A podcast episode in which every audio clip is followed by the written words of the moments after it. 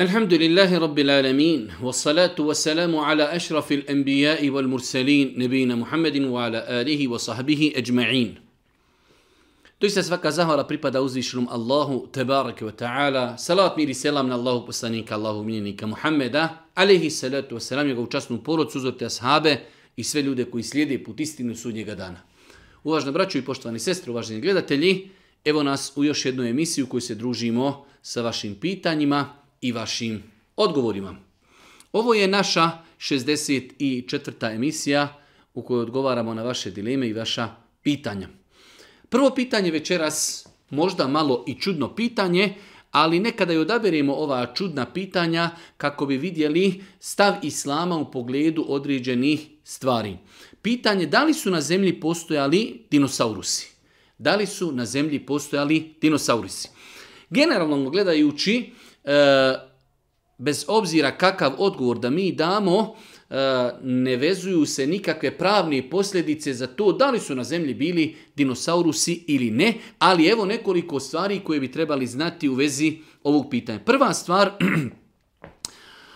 iz određenih kuransko-hadijskih argumenata možemo indirektno zaključiti da prije nego što je stvoren čovjek na zemlji, da je postojao ljudski život – u kojoj verziji i u kojoj formi Allah Đeršanu najbolje zna, ali ono što se može indirektno zaključiti jeste da je postojao život na zemlji prije nastanka i stvaranja prvog čovjeka. To je prva stvar. Druga stvar, eh, generalno, eh, teorija da su dinosaurusi bili na zemlji, gledano s aspekta islama, nema u toj teoriji ništa eh, što je u koliziji sa islamom.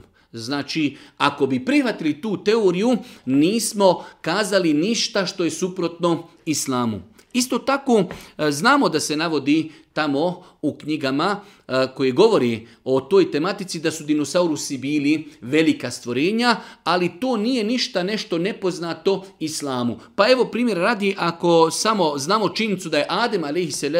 kao što je došlo u vjerodostojnim hadisima bio visok 60 podlaktica ili preneseno ili prevedeno u današnje mjere oko nekih 37 metara.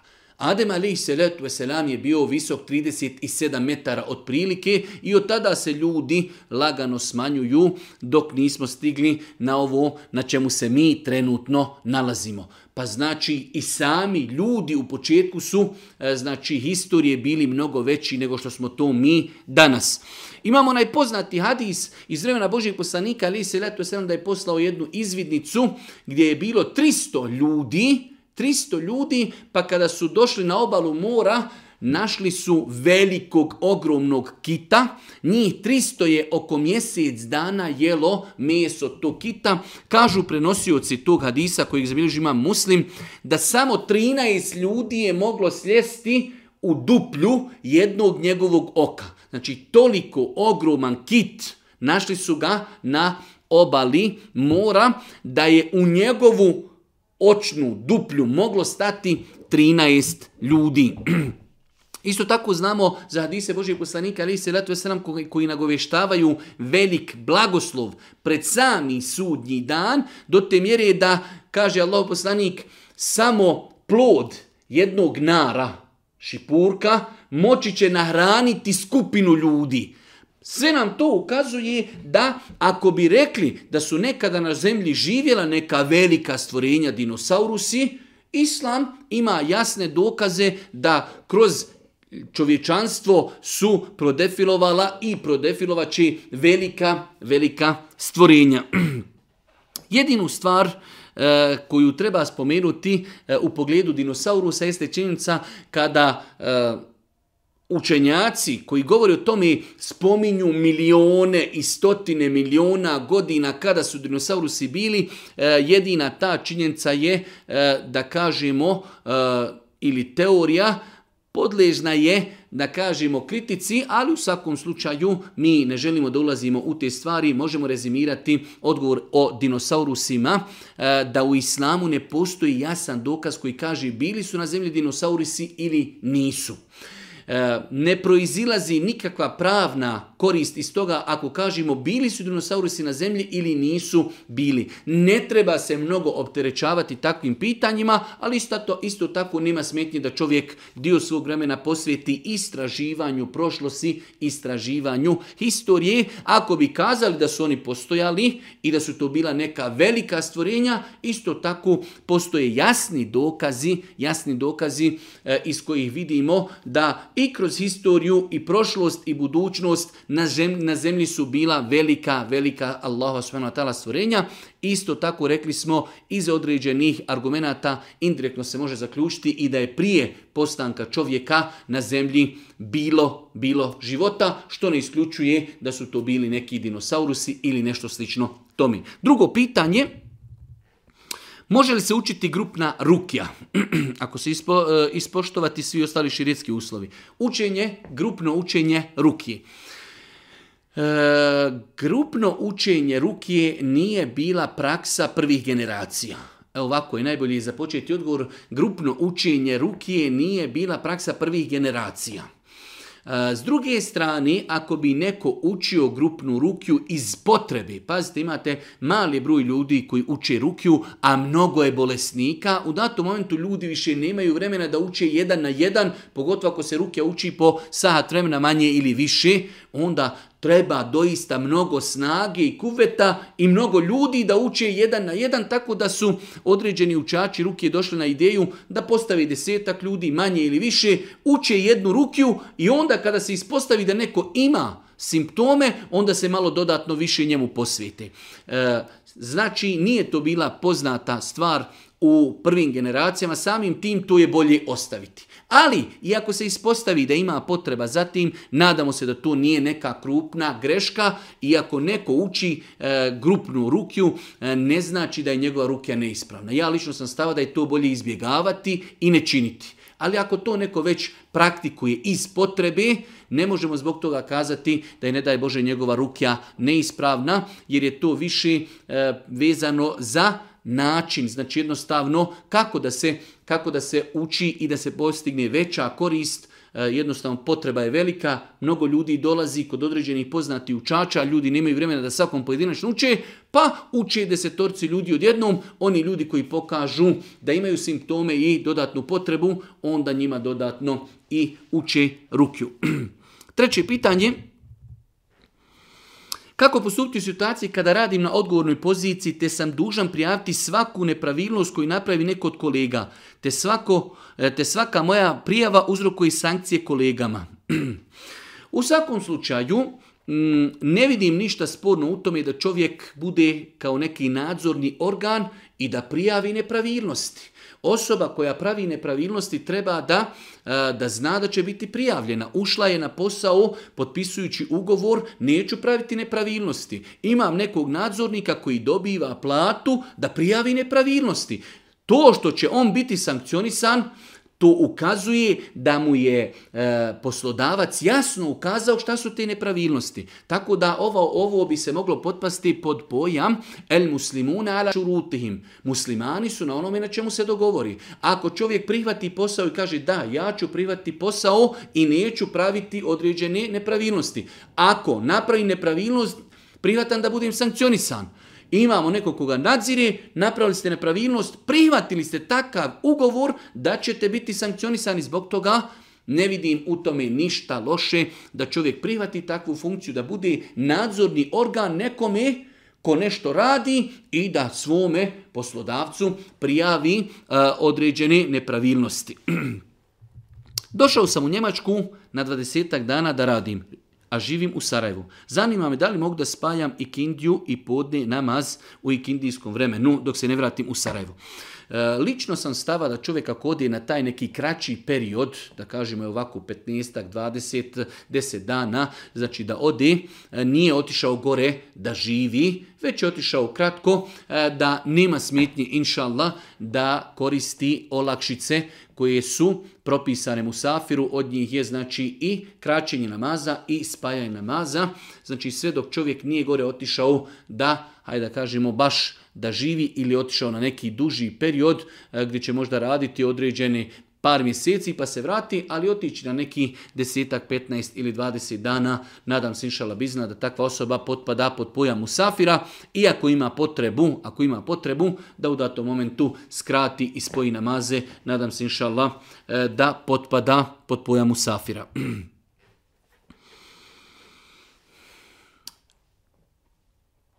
Peto pitanje, pratim vaš rad duže, da li mi možete da li možemo uzimati iz vjeri ono što nam paši, kao na primjer ako klanjamo namaz, a ne činimo dobročinstvo rodan, da li, smo, da smo tada na pravom putu? Da li mi možemo uzimati iz vjeri ono što nam odgovara?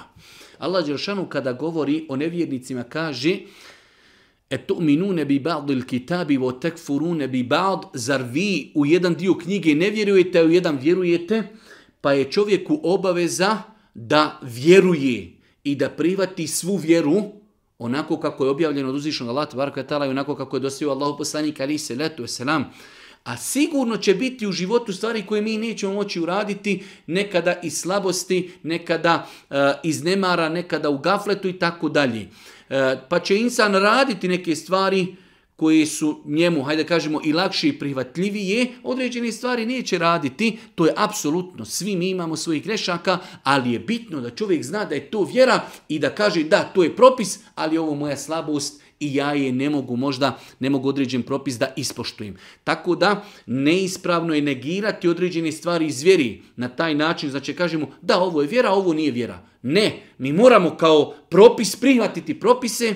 E sada, Truditi se da što više stvari u životu radimo po onome što nam nalaže vjera, a sigurno će uvijek tu biti neki stvari koje nećemo moći ispoštovati. Tako da razlika je da prihvatimo vjeru onako kako je objavljena od uzvišnog Allaha, a u svemu tome mi moramo zakazati neke stvari, nećemo činiti, to je normalna stvar. Neispravno je da kažemo, e ovaj dio vjere je ispravan, ovaj dio vjere je neispravan, ovo ja prihvatam, ovo ja ne prihvatam to je već opasna, opasna stvar. Šesto pitanje, čovjek nam kaže primijetio sam da pričam u snu i tako dalje. Moje pitanje jeste da li Islam nešto govori o pričanju u snu i da li ima neki razlog ili tako dalje. U svakom slučaju, e, koliko mi je poznato, ne postoji dokaz u Koranu i sunnetu koji tretira pitanje pričanja u snu. Tako da se to može smatrati e, prešučena stvar. To što čovjek priča u snu može povezano biti sa njegovim e, mentalnim sklopom, sa fizičkim e, dešavanjima u toku dana, sa određenim možda medicinskim pitanjima i tako dalje. Ono što je nama bitno, ono što je nama bitno da čovjek ako bi nešto i kazao loše u snu, pa čak i opsovao ili rekao vulgarno, on zato nije griješan. Znači, ovo je moment koji je islamu bitan. Čovjek koji spava, ako bi nešto i uradio u snu i rekao, on nije griješan. Pitanje pričanja u snu, da li se može rješavati e, medicinom ili ne, ili nekim vježbama ili ne, e, u to ne ulazimo jer to nije naša struka. Ono što je naša struka jeste da kažemo da ako bi se desilo da čovjek u snu i nešto kaže dobro ili loše, ako kaže znači nešto što je loše, neće biti pitan za to. Sedmo pitanje. Klanjati se naučio preko YouTube-a. Ne preko vaših YouTube kanala, nego preko drugih osoba. Vidio sam kako se nijet uči na glas. I nakon toga je čovjek shvatio da je to neispravno. Na kraju je pitanje da li će moji namazi biti primljeni ako sam učio nijet na glas. Eh, osoba koja je naučila eh, klanjati putem interneta, pa je naučila od osoba koje su prilikom pojašnjavanja kako se klanja namaz, spomenula da treba učiti nijet naglas. Sada je pitanje, čovjek je shvatio da je to neispravno, da li su moji namazi ispravni ako sam nijetio glas? Apsolutno da.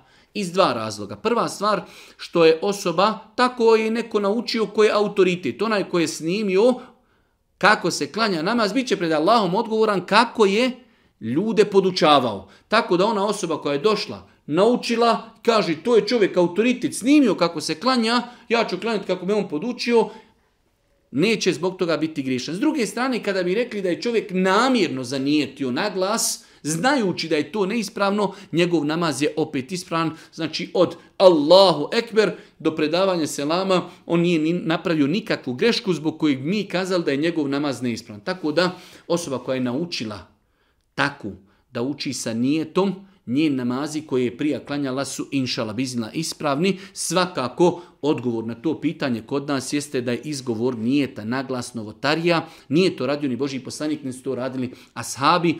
E, početnike u vjeri to i tekako mnogo umara, nije za saba, nije za podnje, nije za ikindiju, za akšan, pa za jaciju, pa za sunnete, pa za farze, pa za džinazu, pa za mušku osobu, pa za žensku odnosu, pa odraslu, pa za dijete i za, e, za džumu namaz, e, za bajram namaz i tako dalje to je prekomjerno bespotrebno opterećavanje ljudi, tako da nema potrebe za izgovaranjem nijeta na glas, riječima, nijeti u srcu. Ali ako to već neko je radio, njegov namaz je inšala ispravan. Živi na zapadu u gradu gdje nema halal mjesnice, imamo samo kupiti halal piletinu. Da li možemo kupovati ostalo crveno meso, teletinu, junetinu bez halal certifikata? Čula sam da se smatra kao da jedemo svinjetinu ako jedemo meso koje nije zaklano u ime Allaha. Ovo je jedno izuzetno komplikovano pitanje za ljude, znači pogotovo na zapadu. Šta mi možemo kazati u pogledu mesa za ljude koji živi na zapad? Prva stvar, muslimanima je dozvoljeno meso kršćana i židova, jer oni potpadaju pod termin ehlul kitab. Misli se na meso, ono koje oni zakolju. Ali koje meso? Meso koje oni zakolju onako kako muslimani kolju životinje. Znači ako bi se desilo da imamo komšiju kršćanina, imamo židova, e, komšiju židova i on uzme zakolje kravu, ovcu, ne znam nija, tele i donese nama kilu mesa, njegovo meso je nama dozvoljeno jesti. Ali da ga zakolju onako kako kolju muslimani, čak Znači mi smo kazali kad smo kazali kako se kolje znači, i na koji način se e, postiže to da je meso halal, da treba kazati i bismillah. Pa čak velik broj učenjaka je uvjetovao i kršćanima i židovima prilikom klanja da bi njihovo meso bilo ispravno treba da kažu bismillah. To je jedan temelj. Temelj da je nama muslimanima dozvoljeno jesti kršćansko ili židovsko meso, njihovo meso koje oni zakolju. To je jedna stvar. E druga stvar je E, kada bi mi došli u situaciju da ne znamo kako su oni zaklali meso, ostajemo na toj osnovi da nam je dozvoljeno. Sve dok ne saznamo kako oni to radi. Ali imamo sada treću situaciju, znači imali smo prvu situaciju da nam je to dozvoljeno. Ako ne znamo kako su to uradili, ne moramo pitati, ali imamo treću situaciju kada mi znamo da generalno danas ljudi ili ubijaju, ili znači e, pikuju e, na neispravan način e, ubijaju životinje na način kako to nije pojasnio islam, odnosno suprotno od onoga što nalaže islam. U takvoj situaciji nama nije dozvoljeno jesti meso osim meso za koje znamo da je ispravno zaklano. E sada dolazimo do, do te neke, hajde da kažemo, dileme možemo jesti samo piletinu, ostalo e, ne znamo šta ćemo. Boga mi takav je dunjaluk. Moramo se u nekim pitanjima malo osaburit, ne možemo otići nekada na more zato što ima ljudi na plaži pa ćemo otići tamo u neki kamenjar. Isto tako ćemo se pokušati organizirati s nekim ljudima da zajedno zakoljemo neku kravu ili neko tele ili kupimo e, u nekoj susjednoj državi deseta kila pa nešto zaledimo, nešto pojedemo. Boga mi takav nam je život. Znači, e, kada je u pitanju zapad i zapadne države, može možemo konzumirati i kupiti meso, samo meso za koje znamo da je znači zaklano i pripremljeno putem islamskih propisa. Da, mi imamo jedan veliki princip da jedemo i da je meso židova i kršćana dozvoljeno, ali onda kada to oni radi po propisima islama. Sada je opće poznato da se nigdje, nigdje znači opće poznato da se životinje, čak u nekim državama je zabrajno zaklati, a i oni koji dozvoljavaju klanje, znači oni prije toga ubijaju, niko ne spominje bismilu, e, niko znači e, životinje se e, žive, gule i tako dalje, tako da ostaje samo situacija da se kupuje ono meso za koje znamo i za kojih stoji institucija ili stoje muslimani, ljudi za koje znamo da to radi na ispravan način.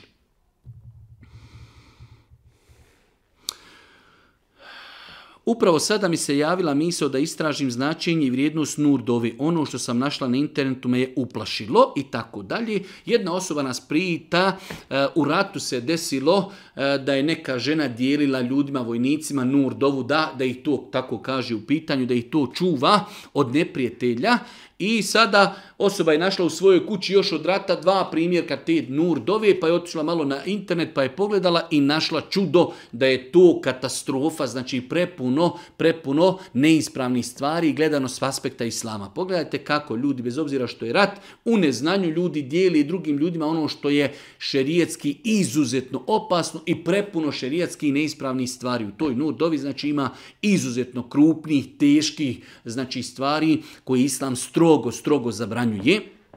Ne bi pretjerali čak da kažemo to stvari e, koje izvode insana i Tako da sada je pitanje šta uraditi sa tim papirima? Ništa. Papiri koje imamo u kući na kojima ima bila kakva bi smila, ili zapis, ili hamajlja, ili knjiga, ili neki časopis, samo se to zapali i mi smo, mi smo riješili svoj problem. Znači, pitanje je kako uništiti papir na kojem ima smila ili ima neka nurdova ili ima neka knjiga ili ili uzmemo, zapalimo i mi smo ako Bog da riješili svoj problem.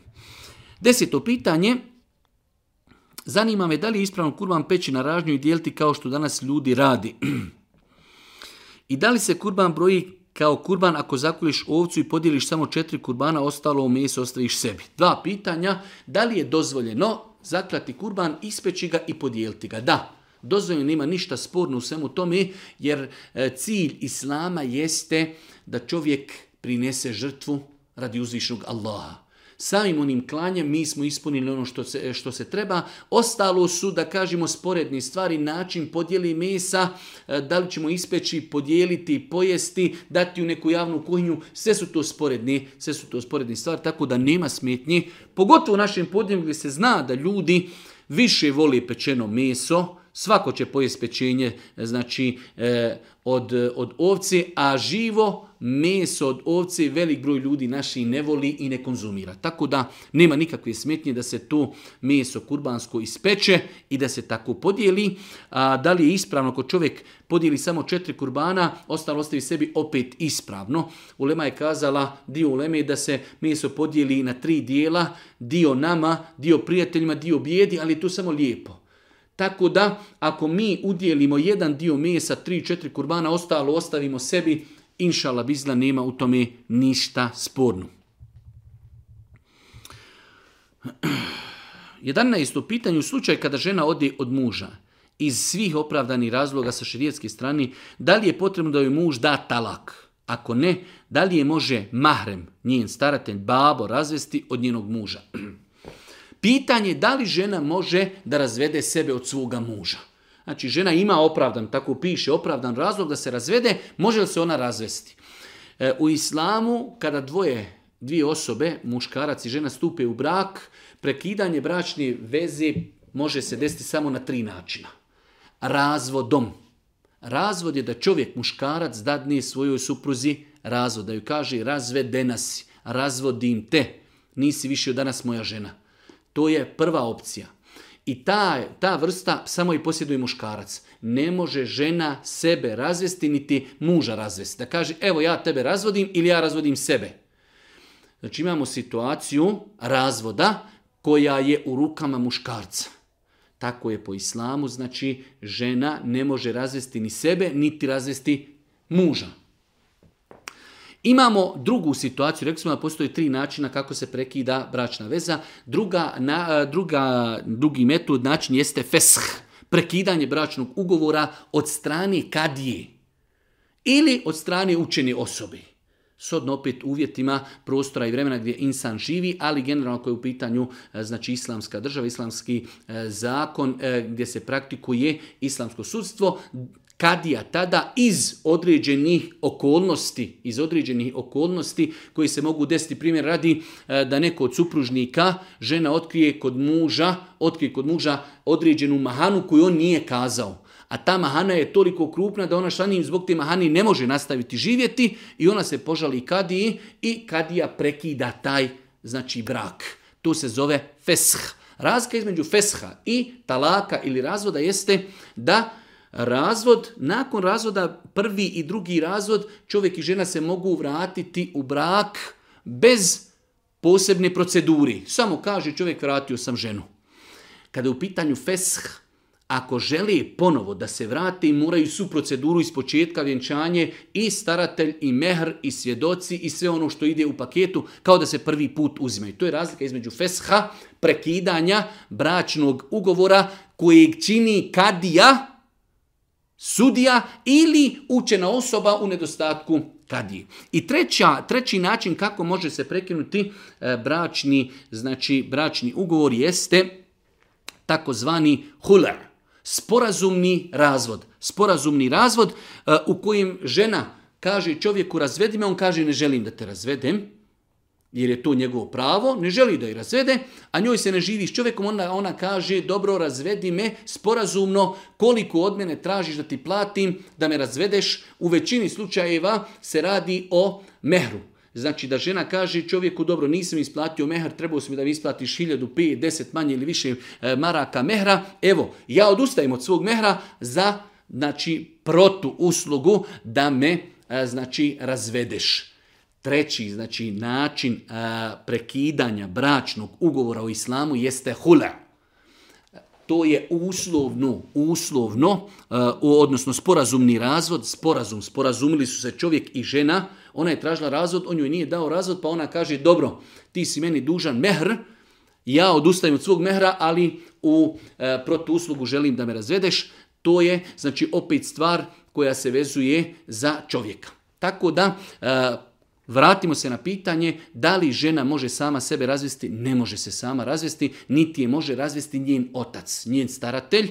Gleda se u situaciju, znači e, e, u ovom slučaju prva stvar čovjek, on je taj koji daje razvod, može li se tu napraviti fesh, da se znači kadija uključi u sve to ili određena školovana osoba da pogleda da li postoje zaista faktori zbog kojih bi taj čovjek trebao da razvede tu ženu, pa on kaže ja ne želim da je razvedem, tada neko drugi to uradi mjesto njega ili kadija ili učena neka osoba ili na kraju e, da se sporazumno njih dvoje dogovori da mu ona vrati mehr, a da on nju sporazumno razvede.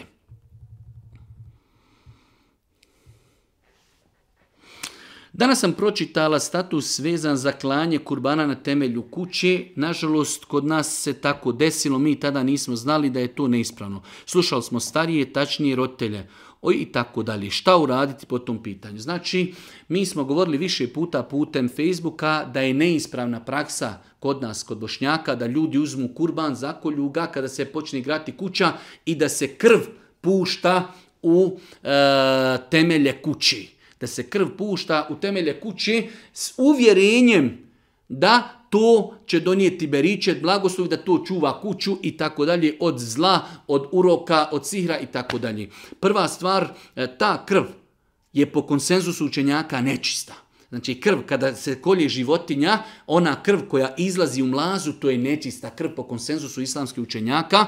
Druga stvar, neispravno uvjerenje da to, ta krv čuva kuću od zavisti, tako da tu praksu treba apsolutno znači e, ukazivati na nju, upozoravati na nju i izbaciti ako Bog da iz naših prostora. E sada neko je to već uradio iz neznanja. Kada je pravio kuću, mama i bavo došli, desine za kolji kurban, tu tako treba, ti si mlad, ti to ne znaš, on radio. Šta može danas uraditi? Ništa. Samo da se pokaja Allah, kaj ja rab pogriješio sam, sutra kad pravio kuću više to ne bi uradio. Ne možemo sad odkopati temelj, ne možemo sad ribati četkom e, krv koja ima i tako dalje. Možda je to negdje već u zemlji pod fasadom i tako dalje. Bitno je da nema uvjerenja da ga ta krv i ta ovca i taj kurban čuvaju i da se pokaje Allahu zbog onoga što je uradio. Znači osobe koje su već to uradile, na njima je samo da se pokaju Allahu što su to radile, da odluči da to više nikada neće uraditi, da će drugim ljudima kazivati da je to neispravno i da u svom srcu nemaju nikakvo uvjerenje da ih to čuva. 13. pitanje, Slušao sam neke stavove islamskog učenjaka da je haram trenirati sportove gdje ima udaraca u glavu, ali neki kažu da je to halal i da se može trenirati. Čak neki kažu da nam veliki borac Habib može biti uzor jer je njemu uzor Muhammed alihi salatu wasalam. Može li se trenirati sport u kojem ima udaraca u glavu? E, neki su rekli da je to haram, neko evo kao kaže da je to halal. Zašto je halal? Zato što to radi Habib, a Habibu je, e, Habibu je uzor poslanika, salatu wasalam. E, treba napraviti dvije, dvije ili tri stvari, ukazati u pogledu ovog pitanja. Prva stvar, postupci nikakvog čovjeka, bez obzira bio to efendija, daja, bokser, igrač, pjevač, političar ili bilo ko drugi, postupci ljudi u islamu nisu dokaz. Postupci ljudi se vagaju vagom islama, Kur'ana i sunneta, pa ono što bude ispravno, ono je ispravno, ono što bude neispravno, neispravno, bez obzira da li to radio Pezić ili radio neko drugi, ili neki bokser, neki političar, naša vaga je Kur'an i sunnet. To je jedna stvar. Druga stvar, Razlika je trenirati sport i razlika je učestvovati u ringu i u mečevima. U meču čovjek mora da udara nekog u glavu i to je haram.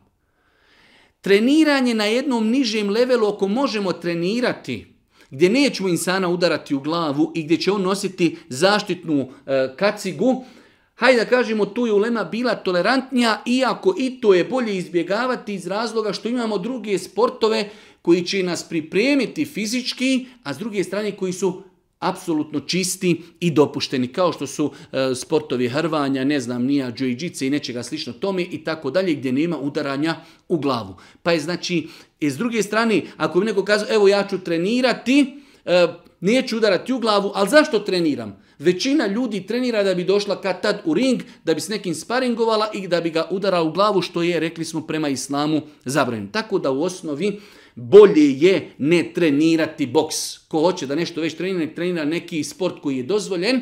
Ako već trenira, onda treba se čuvati udaraca u glavu, koristiti zaštitu na glavi, a učestvovati u ringu gdje se udaljaju, udaraju ljudi, lomi se noge, udara se u glavu i na time se dobivaju pojeni, to ne znam da je ikad i kod učenjaka dozvolio.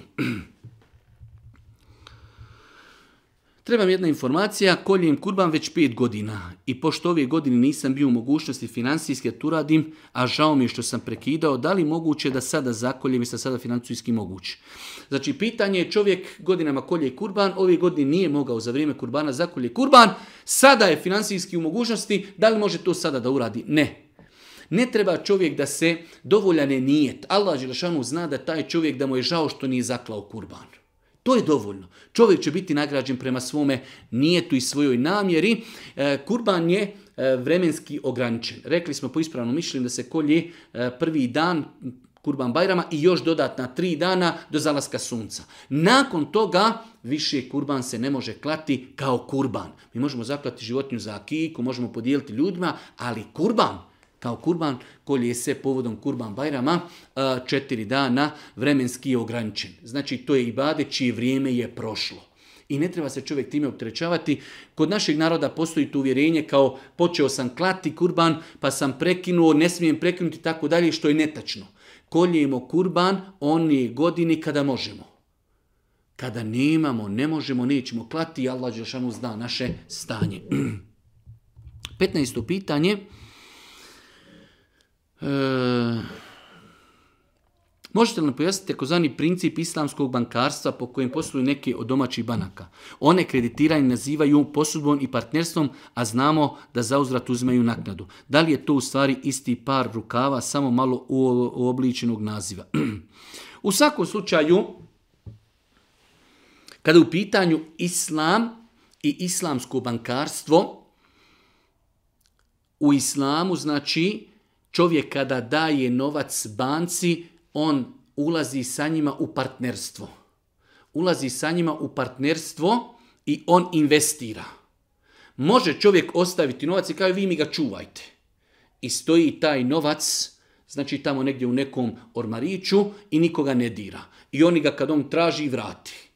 Ima opcija da oni kažu mi ćemo uzeti tvoj novac, mi ćemo uzeti tvoj novac, mi ćemo ga obrtati, ali u prvom slučaju oni nisu odgovorni ako se šta desi iz njegovom novcu. U drugom slučaju ako oni uzmu, koriste njegov novac, to je dug.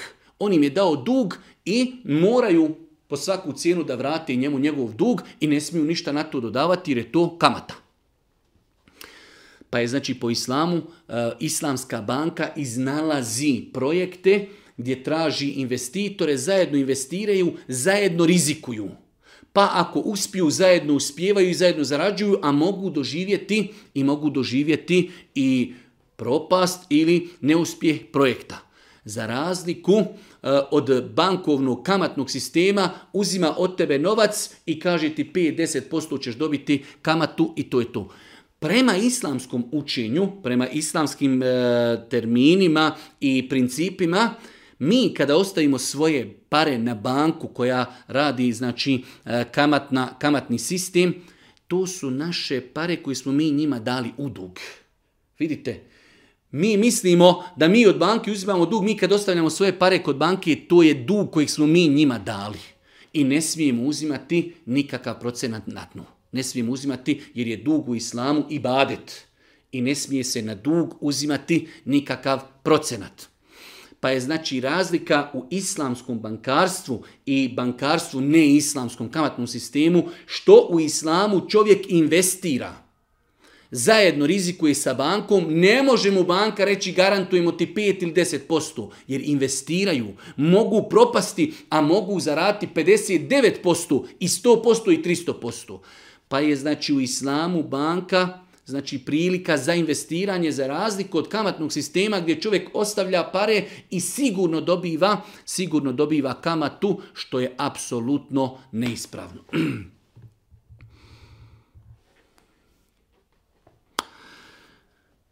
Živio sam u braku mnogo godina, ovdje piše preko 20 godina. Nakon toga supruga je počinila blud u mjesecu Ramazanu. Ja sam se od nje razvio općinski, ali vam bio zahvalan da mi date savjet kako u vezi šerijatskog znači e, razvoda. E, čovjek koji želi na ispravan način da razvede svoju ženu, uradit će to na način da je razvede jednim razvodom u periodu kada u čistoći nisu imali intimni kontakt. Znači, na taj način prestaje njihova bračna veza. Da čovjek, znači, supruga je imala hajz, okupala se u, toj u tom periodu čistoće nisu nikako spavali, čovjek kaže riječima, jednom kaže ženo ja te razvodim, od danas više nisi moja žena. Od tog momenta ona više nije njegova supruga. Ima period ako je to prvi ili drugi razvod, takozvani znači e, opozivi razvod, opozivi u prva dva, dok traje i det priček, on nju može vratiti. U trećem razvodu koji ne opozivi, gotovo, kada rekne više, nema, nema povratka. Tako da e, osoba koja želi da islamski razvede svoju ženu, uradit će to na način da znači žena da je razvede u čistoći. U čistoći, a u kojoj nije sa njom spavao nikako, jednim razvodom. Da joj kaže, razvodim te. Znači mora da bude u čistoći, žena je se okupala od hajza, nisu nikako spavali u toj čistoći. Samo ako jednom imaju intimni kontakt, mora čekati hajz, pa kad dođu hajz, kad se okupa, u periodu čistoće, kada nisu znači imali nikako intimni kontakt, da je razvede jednim razvodom. Možete li napraviti video o onome što se postavlja za pustinju? Da li je to istina da nam je blizu sudnji dan? Mislim, Allah to jedini zna. Ali vidim da postupaju po tom TikTok, eh, postavljaju tamo po TikToku govore. Svi Govore svi, kraj nam je blizu, mislim da to ne bi smjeli pričati, to samo Allah zna. E, čovjek traži od nas da pojasnimo, ljudi s vremena na vrijeme na TikToku, YouTubeu objavi određene e, videoklipove gdje pokazuju kako je pustinja počela da zeleni, a od predznaka sudnjeg dana je e, da će se arapski poluotok vratiti, znači da će postati zelen, u zelenilo pa čovjek kaže kao to je neispravno govoriti da nam je blizu sudnji dan. Nije tačno. Dozvoljeno je kazati jer Boži poslanik u više vjerodostinu disa je spomenuo da je sudnji dan blizu. E, kada se desi ispunjenje određenog predznaka sudnjeg dana, to nama pojačava iman i kažemo da, evo tu je Boži poslanik kazao, da, to ukazuje da je sudnji dan blizu. Ali koliko? Godinu, 5, 7, 10, 15, to ne zna niko osim uzvišeni Allah. Pa nije sporno kazati kada vidimo da je se ispunio određeni predznak sudnjeg dana, da je to pokazatelj blizine sudnjeg dana. Jer sama riječ predznak, znači blizina nečega, ali kada će biti, to ne zna niko osim uzvišeni Allah subhanahu wa ta'ala. Da li se može akika zaklati prije sedmog dana? Da li se može akika zaklati prije sedmog dana, trećeg ili četvog dana? Nema nikakve smetnje. Odsunjete da se zakolje sedmi dan, ali nekada u datom momentu čovjek iz određenih tehničkih razloga možda sedmi dan ne može, zauzet je, putuje ili ili neki drugi razlozi, nema smetnje da se akika zakolje drugi dan, treći dan, četvrti dan, peti dan, osmi dan, dvanaesti dan, ono što je najbolje i najljepše od sedmi dan ali ako ne može, može i prije sedmog dana, može i poslije sedmog dana. 19. pitanje, u braku sam dugi niz godina, moj problem je moja svekrva koja se stalno miješa u naš život. Hoće ona jednostavno da se pita kud ćemo mi ići i šta ćemo raditi, u šta ćemo pare trošiti. Zanima me da li ćemo ja i muž biti griješni ako se odvojimo od nje, nađemo sebi stan i nešto slično.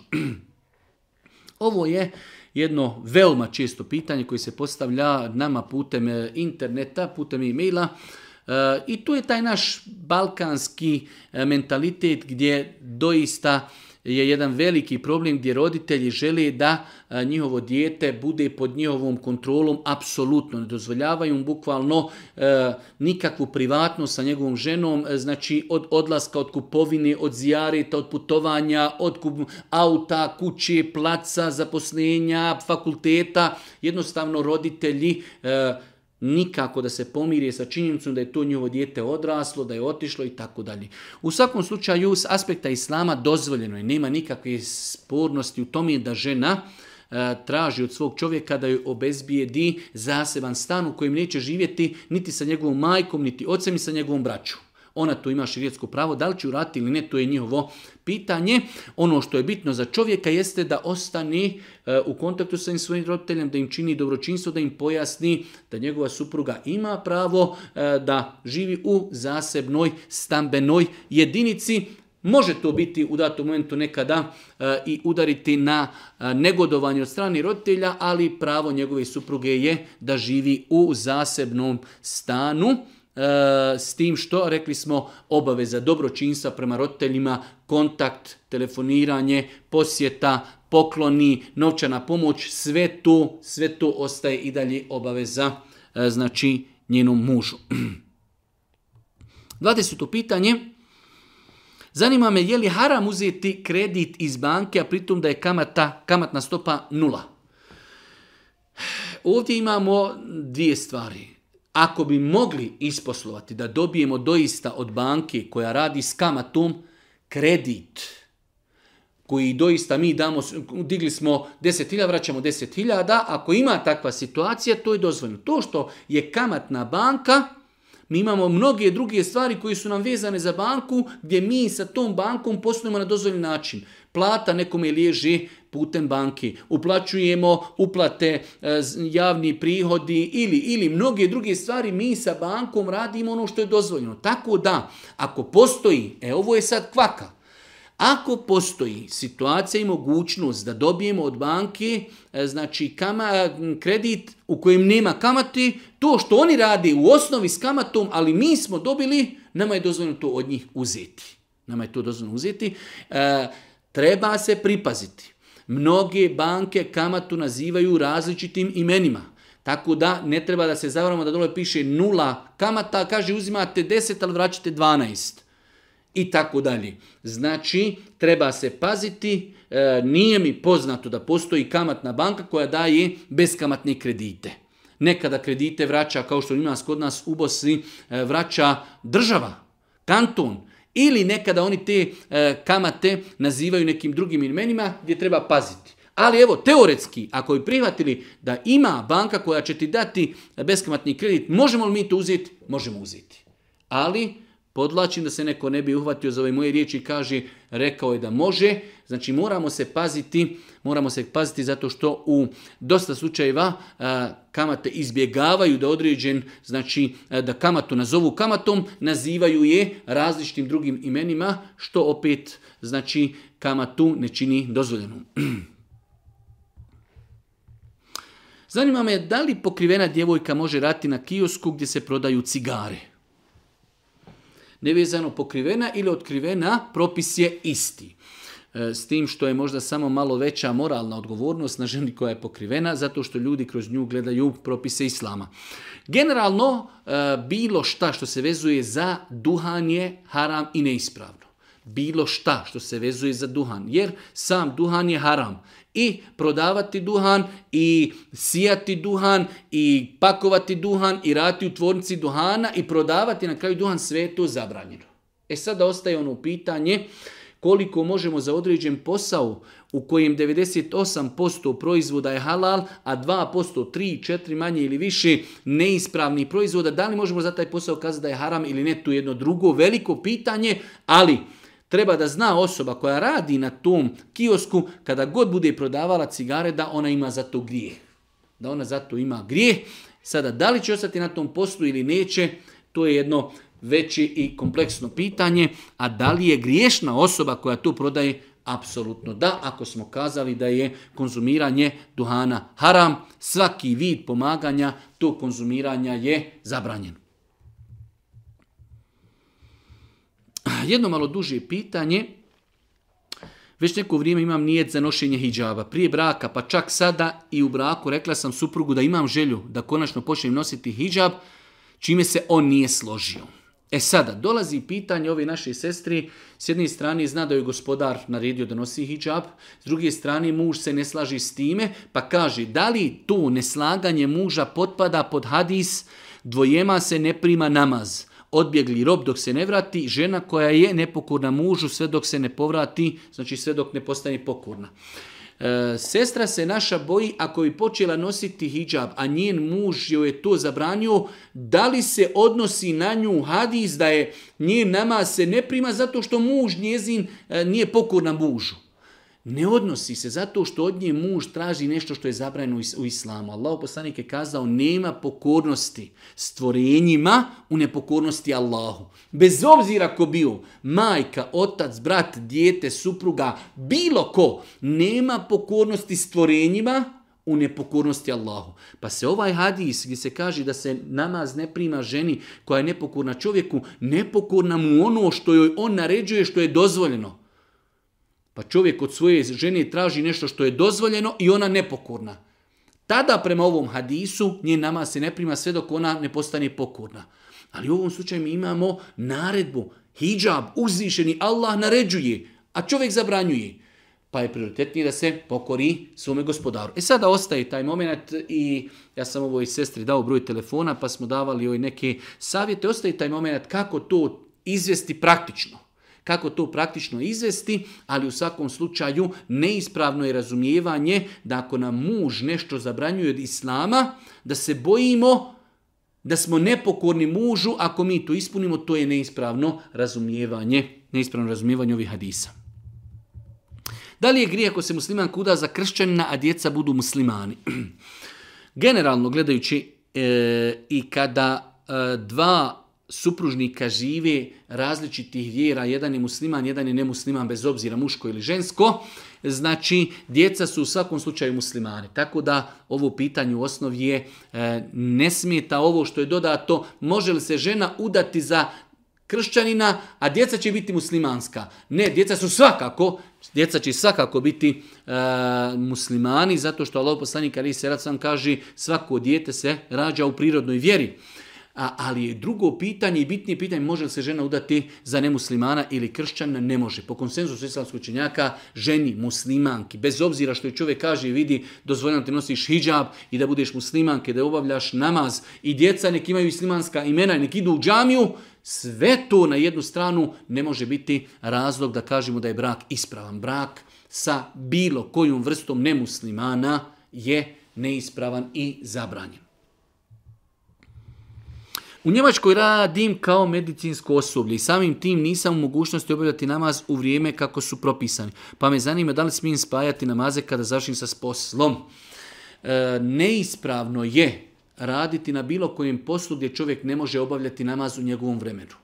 Tako da e, imamo slučajeve gdje ljudi radi u kao medicinsko osoblje i izbore se za svoje pravo u toj nekoj pauzi 5 ili 10 minuta da odu, u većini slučaja to je pitanje podni namazu, ali nekada ljudi rade u različitim smjenama i može biti neki drugi namaz u pitanju, ali je bitno da čovjek se izbori za to svoje pravo, da kaže ja sam musliman, treba mi 10 minuta, da ode i negdje u neku kancelariju ili neki hodnik gdje ga niko ne vidi, prostri sebi svoju pastekiju ili neki karton ili ne treba ništa ni prosti ako je čist hodnik i tu klanja samo farze, tako da e, ne ispravno je raditi na poslu gdje se ne može redovno obavljati namaz u namaskom vremenu.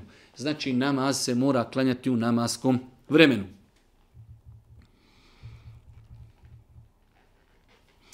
Zanima me da li ima smetnje da žena u toku trudnoće ide na rukju. Allah najbolje zna, nema smetnje da žena ide na rukju, ali je veoma bitno da to kaže u čaču rukije, ako dođe do reakcije, ako su reakcije žestoke, da umanji učenje kako se ne daj Bože ne bi to odrazilo na plod. Ali generalno gledajući nema smetnje da žena ode na rukju, ali isto tako da o tome obavijesti učača da kaže da je trudna kako ne daj Bože ako primijeti da dolazi do jačih nekih reakcija e, gdje jednostavno imaju i trza i, i svašta nešto kako ne daj Bože to ne bi uzrokovalo spontani ili nešto slično tome kako ne bi naštetilo razvoju bebi. Znači generalno otići ali obavijestiti generalno znači može se otići ali da se o tome obavijesti učač ruki. Htjela bih vas zamoliti da mi kažete da li je grije nositi široke hlače, suknja hlače. S obzirom da ste rekli da nije dozvoljeno helanki uske hlače. Ja sam pokrivena, ne nosim hlače, ali vidim da većina žena nosi. Da li je dozvoljeno da žena prilikom izlaska iz kuće nosi suknja hlače, široke hlače? E, u pogledu hlača možemo kazati sljedeći žena može nositi suknja hlače ako preko njih nosi džilbab. Ako joj to nešto znači, znači da nosi suknja hlače, a preko njih će nositi džilbab, ne mora znači nositi ispod suknju, to je dozvoljeno. I s druge strane dozvoljeno da nosi suknja hlače u kući dozvoljeno da nosi suknja hlače u kući, e, nije ispravno da žena izlazi iz kući u suknja hlačama preko kojih nema hijjaba, preko kojih nema, nema hijjaba, jer islamski učinjaci kada su govorili o hidžabu ženi kazali su jedan od uvjeta jeste da ne oslikava ženino tijelo, u ovom slučaju kada žena nosi suknja hlače, bez obzira koliko nogavice bile široke, dolazi do oslikavanja njenog tijela, tako da su islamski učinjaci savremenog doba smatrali neispravnim hijab žene koja nosi suknja hlače prilikom izlaska iz kuće. To što dosta žena to radi, nije nikakav dokaz da je to ispravno. Vidjeli smo i mnoge žene nose i helanke, a gore pokrivenu mahramu,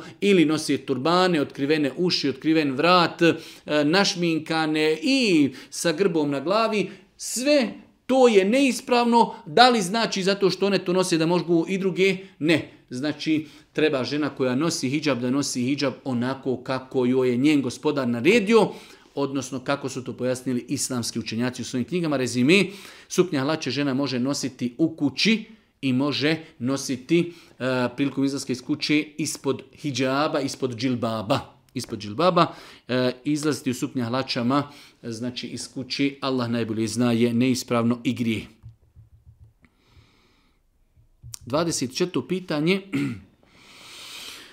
E, čovjek je primio islam, zove se Saša. Da li mu je obaveza da promijeni ime? Allah najbolje zna, nije obaveza. Kao obaveza, da kažemo čovjeku, to se nešto vezuje za islam i moraš, jer je to ime koje nema nikako neko loše značenje. E sad čovjek ako hoće zbog sebe da kaže jednostavno, želim da ljudi kada čuju, kada se upoznam s ljudima, kažem, zovem se tako i tako, da znaju da sam musliman, e, ne može ali da ga obavežimo time nije obaveza. Jer rekli smo Allah poslanik ali se letu selam, e, sva ta imena koja su sad nama poznata i Ebu Bekr i Omer i Osman i Alija, sve su to imena koja su oni nadjenuli sebi ili njihovi roditelji nadjenuli prije Islama pa i Boži poslanik odobrio njihova imena, osim par imena koja su imala loša značaj, koje je poslanik rekao da trebaju promijeniti sva imena, tako i današnja imena znači E, ljudi koji prihvati islam mogu ostaviti svoja imena sve dok ta imena nemaju nikakva, nikakvo loše značenje ili da u tom imenu ima nešto što je sporno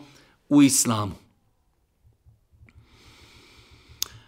E, pitanje Hamajlije kaže žena moj muž čuva Hamajlju koju mu je rahmetli majka dala kad smo dobili dijete. Znači sad dijete već ima 9 godina, ali kaže ja znam da je to neispravno, ja se ne usuđujem da je bacim jer je, kaže on, bi se mnogo naljutio na mene. A čovjek je, kaže, u osnovi vjernik, praktikuje vjeru.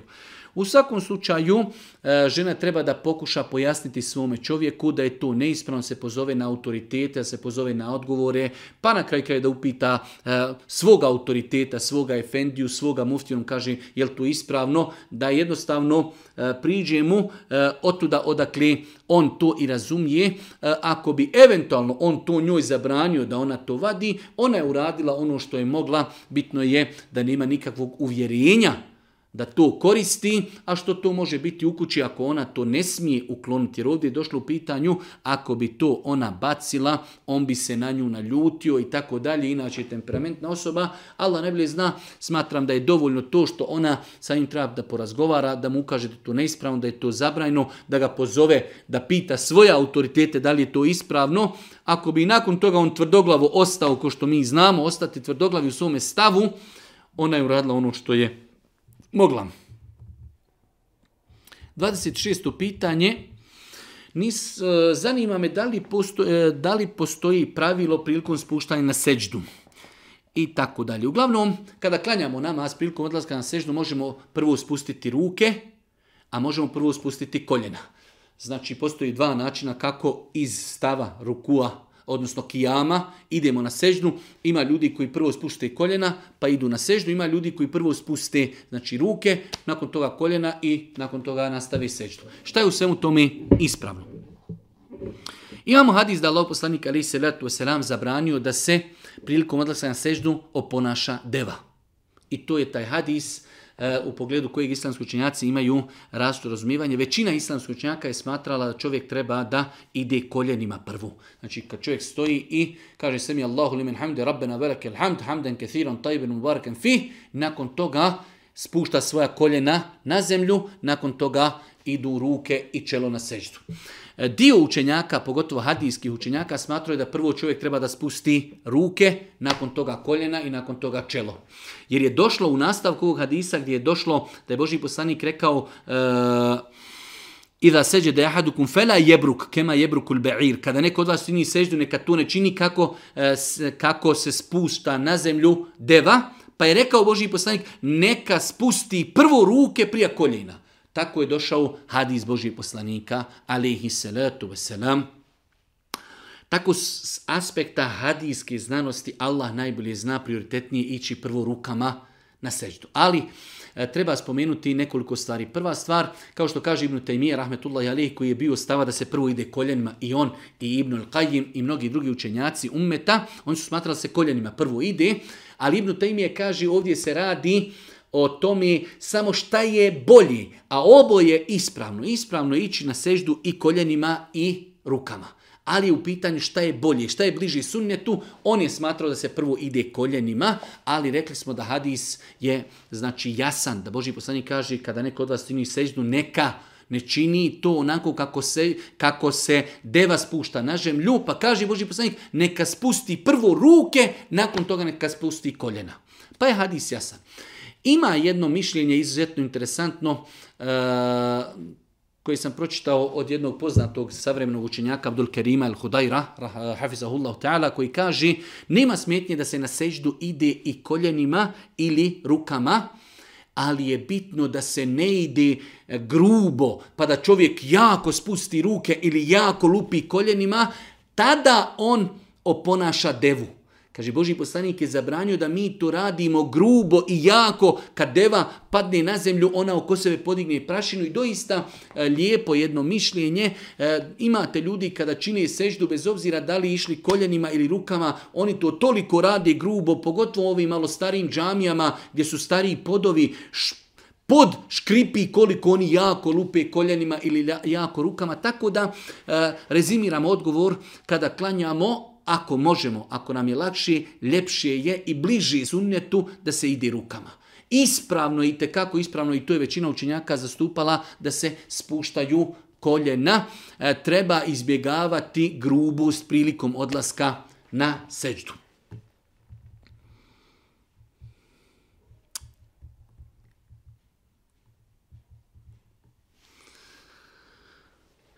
Našao sam curu koja je u vjeri nakon nekog vremena preklinu smo da li, mož, mogu moliti Allaha da se vrati ona u moj život iako ona to ne želi i tako dalje. E, veoma često nam dolaze ovakve neke situacije i pitanja. Imao sam djevojku, ra, više nismo u vezi. E, da ne govorimo sada o tim djevojkama i ašikovanjima, mi smo o tome govorili u islamu e, da nema ašikovanja, ali evo da to shvatimo kao e, da je to došlo do ispravnog šerijatskog upoznavanja e, i nakon toga ta djevojka više ne želi tu vezu da li mi imamo mogućnost da dovimo ja rab, znači da ona ipak da se vrati i da se ta naša veza ojača. Ono što ja uvijek savjetujem jeste čovjek treba da dovi Allahu da mu podari ono što je za njega korisno. Pa čovjek treba u takvoj situaciji da kaže ja rab, ako je hajr i dobro za mene na dunjalku i na hiretu, da se e, obnovi veza sa tom i tom osobom, ti olakšaj da se to obnovi. Ako to za mene nije dobro na Dunjalku i na Hiretu, odalje od mene što dalje i mirna Bosna. Treba li mahrem za dvije žene same za odlazak na hađ i umru?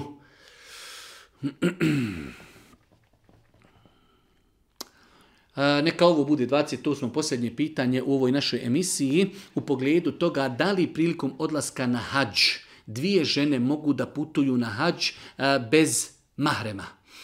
U vjerodostojnom hadisma Allah poslanik ali se wasalam zabranio je ženama da putuju bez mahrema. U vjerodostojnom hadisma znači imamo zabranje, Boži poslanik ali salatu wasalam zabranio da žena putuje bez mahrema.